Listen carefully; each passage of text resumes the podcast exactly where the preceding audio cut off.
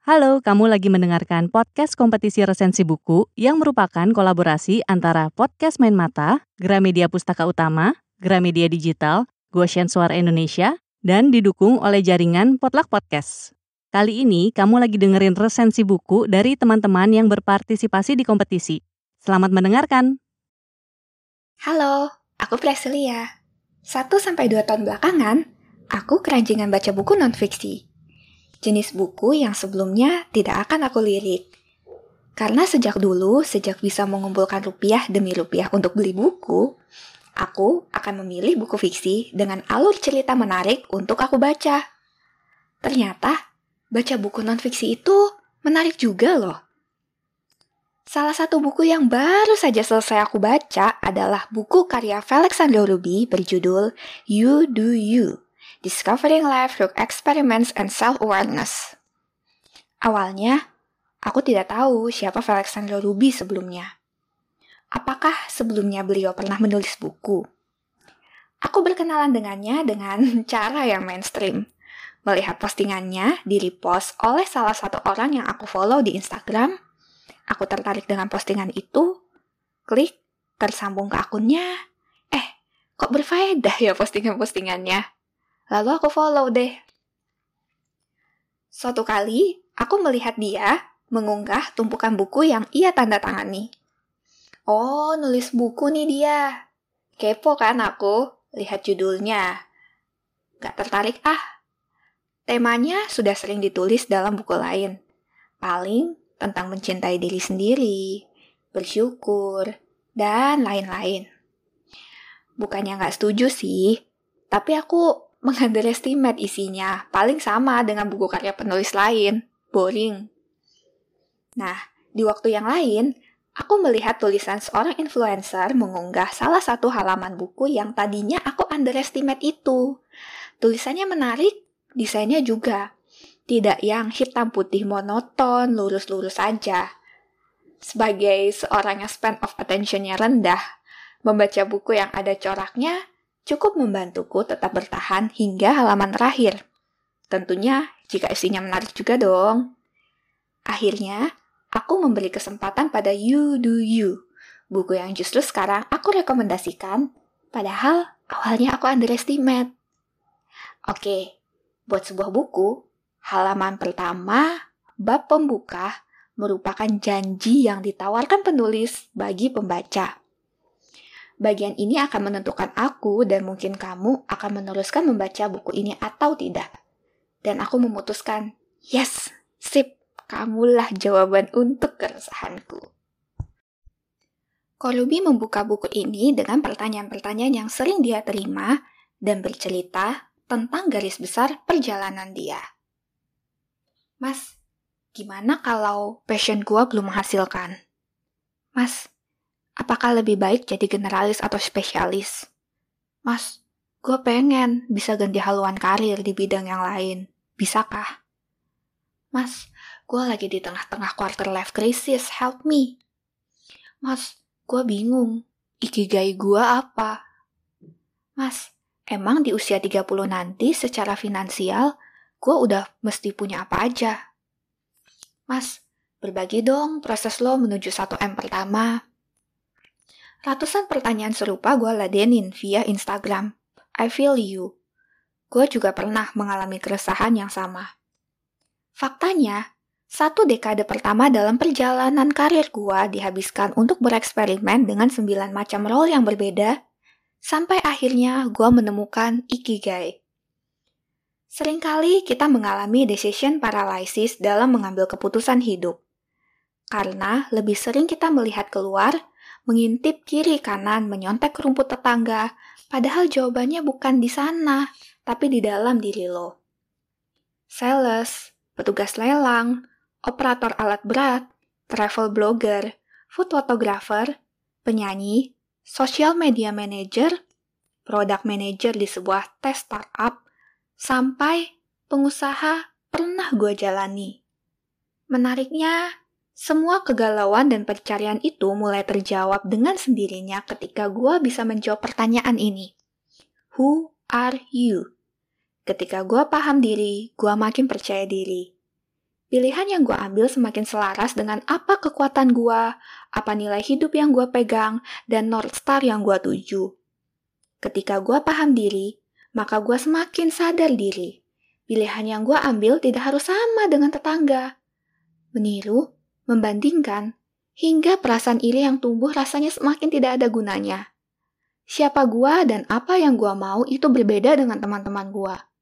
Ketika gua paham diri, gua menemukan bahwa my life, career, business, relationship, finance is an extension of who I am.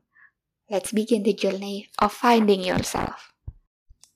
Buku ini terbagi dalam lima bagian besar.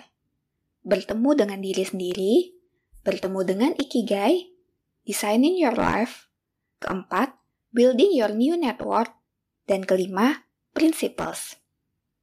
Runut, praktikal, mengena di hati, ditulis dengan rendah hati. Begitulah kesanku terhadap buku ini. Buku ini disusun dengan runut, membahas hal paling dasar dulu, lalu lanjut ke layer-layer selanjutnya. Dimulai dengan bahasan tentang bagaimana bertemu dengan diri sendiri. Bab pertama dari bagian bertemu dengan diri sendiri berjudul Paham Diri sama dengan Percaya Diri. Semua pertanyaan yang muncul di back cover maupun di cover buku ini akan gue jawab langsung di bab pertama. Siap? Apa pun pertanyaan tentang kegalauan hidup, karir, relationship, bisnis, keuangan, jawabannya adalah tergantung tergantung value, nilai-nilai kehidupan yang lo pegang. Tergantung background keluarga, pola pikir dan cara lo dibesarkan. Tergantung kondisi keuangan lo. Tergantung tujuan hidup lo. Tergantung talenta apa yang lo punya. Tergantung seberapa besar daya juang lo. Tergantung ini itu banyak sekali. Ngeselin ya emang jawabannya. Tapi gue udah pernah menjalani beragam saran dari teman, mentor, bahkan rekan bisnis. Verbatim, gue praktekin. Ada yang sesuai, ada yang tidak. Lantas, siapa yang salah? Salah mereka? Belum tentu. Bisa jadi saran yang sama, walaupun gak sesuai di gue, bisa berhasil di kasus orang lain. Ini hipotesis gue yang pada akhirnya terbukti. Jawaban yang lo cari akan bergantung pada seberapa lo paham diri. Walaupun pertanyaannya sama, jawaban lo gak akan pernah sama dengan teman sebangku di kuliah atau bahkan dengan kakak dan adik kandung lo. Paham diri, kenal diri, atau bahasa kerennya self-awareness, menjadi semakin penting di generasi yang terlatih oleh media sosial untuk membandingkan diri sendiri dengan orang lain. Kadang kita lupa, belum tentu loh kita akan menikmati makanan bintang 5 yang sama, pengalaman liburan Eropa yang sama, pekerjaan mentereng yang sama, sneakers hype yang sama, atau bahkan tipe Instagram husband yang sama.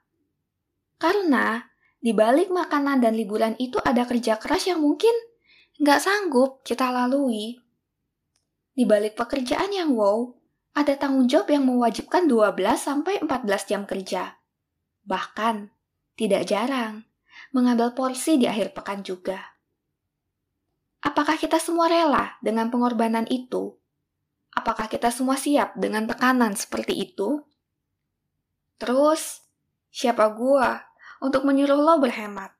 Melarang lo koleksi sneakers kalau ternyata lo adalah YouTuber sneakers lo butuh itu untuk konten. Bisa jadi setiap konten yang lo tayangkan nantinya bisa membayar stickers itu dengan sendirinya. Misal, dari pendapatan iklan atau kerjasama dengan brand. Tergantung. Semakin lo paham diri, semakin mudah lo menjawabnya. Mengenal diri menjadi sebuah exercise yang semakin perlu diasah oleh generasi yang lebih sering teralihkan denting notifikasi. Seberapa sering kita menjenguk diri sendiri dengan jujur mengakui kekurangan dan kekuatan kita? Seberapa sering kita mereview cara mandiri kita, berpikir, cara kita belajar, cara kita memaknai waktu, cara kita mengelola energi, atau bahkan cara kita bekerja di waktu produktif. Seberapa sering kita secara sadar memetakan di mana kita sekarang untuk menentukan seberapa jauh kita ke mimpi atau tujuan hidup kita. Dengan melihat ke dalamlah, kita mengurai kompleksnya hidup. Menyambung titik-titik yang tadinya terlihat acak, karena itulah bahagia hadir. Ketika identitas kita selaras dengan apa yang kita kerjakan.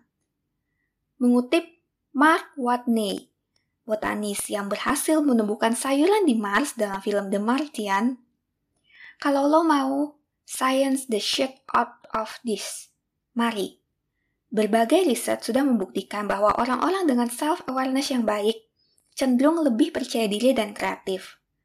Kalau kita mengenal diri dengan baik, kita akan membuat keputusan yang lebih baik dalam hidup, mempunyai hubungan yang lebih kuat dan juga lebih efektif dalam berkomunikasi. Bagian ini yang paling seru buat gua. Bahkan, riset menunjukkan bahwa self-awareness bisa membawa orang mendapatkan lebih banyak promosi dalam pekerjaan, menjadi pemimpin yang lebih baik, dengan tim yang lebih bahagia dan perusahaan yang lebih profitable. Sayangnya, tidak ada satupun dari kita hadir terlahir sepaket dengan buku panduan untuk menjalani hidup. Untuk itu, gue akan mengajak lo berpetualang, mengenal diri menggunakan pikiran dan hati. Harapan gue, di kali berikutnya kita bertemu, lo bisa bilang, gue siap bertualang. Apa pun persimpangan yang gue temui, apa pun pertanyaan yang gue hadapi, gue bisa menjawab dengan lebih percaya diri. Karena gue paham diri. Wow, di bab pertama aja rasanya udah uh, ngena banget gitu. Kita diajak untuk lebih paham diri dengan menjawab pertanyaan, apa sih yang penting buat kita? Karena nggak semua yang dikejar orang itu sama. Kemudian nih, di buku ini juga dibahas tentang cara belajar yang berpengaruh ke kita. Dan passion, memaknai passion dan ikigai dengan konsep yang menyeluruh. Nih, aku bacain ya, part favorit aku tentang passion. Karena passion ini kan sering banget gitu kan disebut-sebut, digembar-gemborin orang atas dasar passion, atas dasar passion.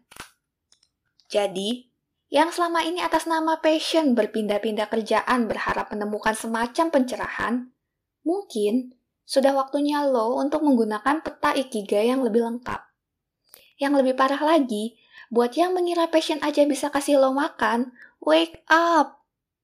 Passion baru bisa kasih lo makan kalau sudah diproses, diasah, dan ditajamkan dengan waktu dan usaha, sehingga menjadi skill yang berharga. Kalau lo punya perusahaan, apakah lo mau mempekerjakan orang yang passionate tapi skillnya biasa aja? Enggak kan? Skill yang lo belum punya bisa dilatih sampai menjadi what you're good at. Apa yang baik, yang kamu top gitu.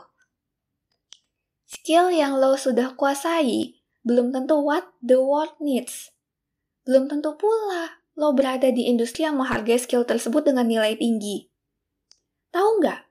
Hasil riset Michael Page menunjukkan bahwa Posisi marketing manager di industri jasa keuangan punya gaji maksimal 390 juta rupiah per tahun. Sementara posisi marketing manager yang sama di industri fast moving consumer goods punya gaji maksimal 975 juta rupiah per tahun. Wow, sebuah buku yang sangat insightful namun ditulis dengan segar. Tidak membuat jidat semakin berkerut, berlipat. Makanya, yuk baca!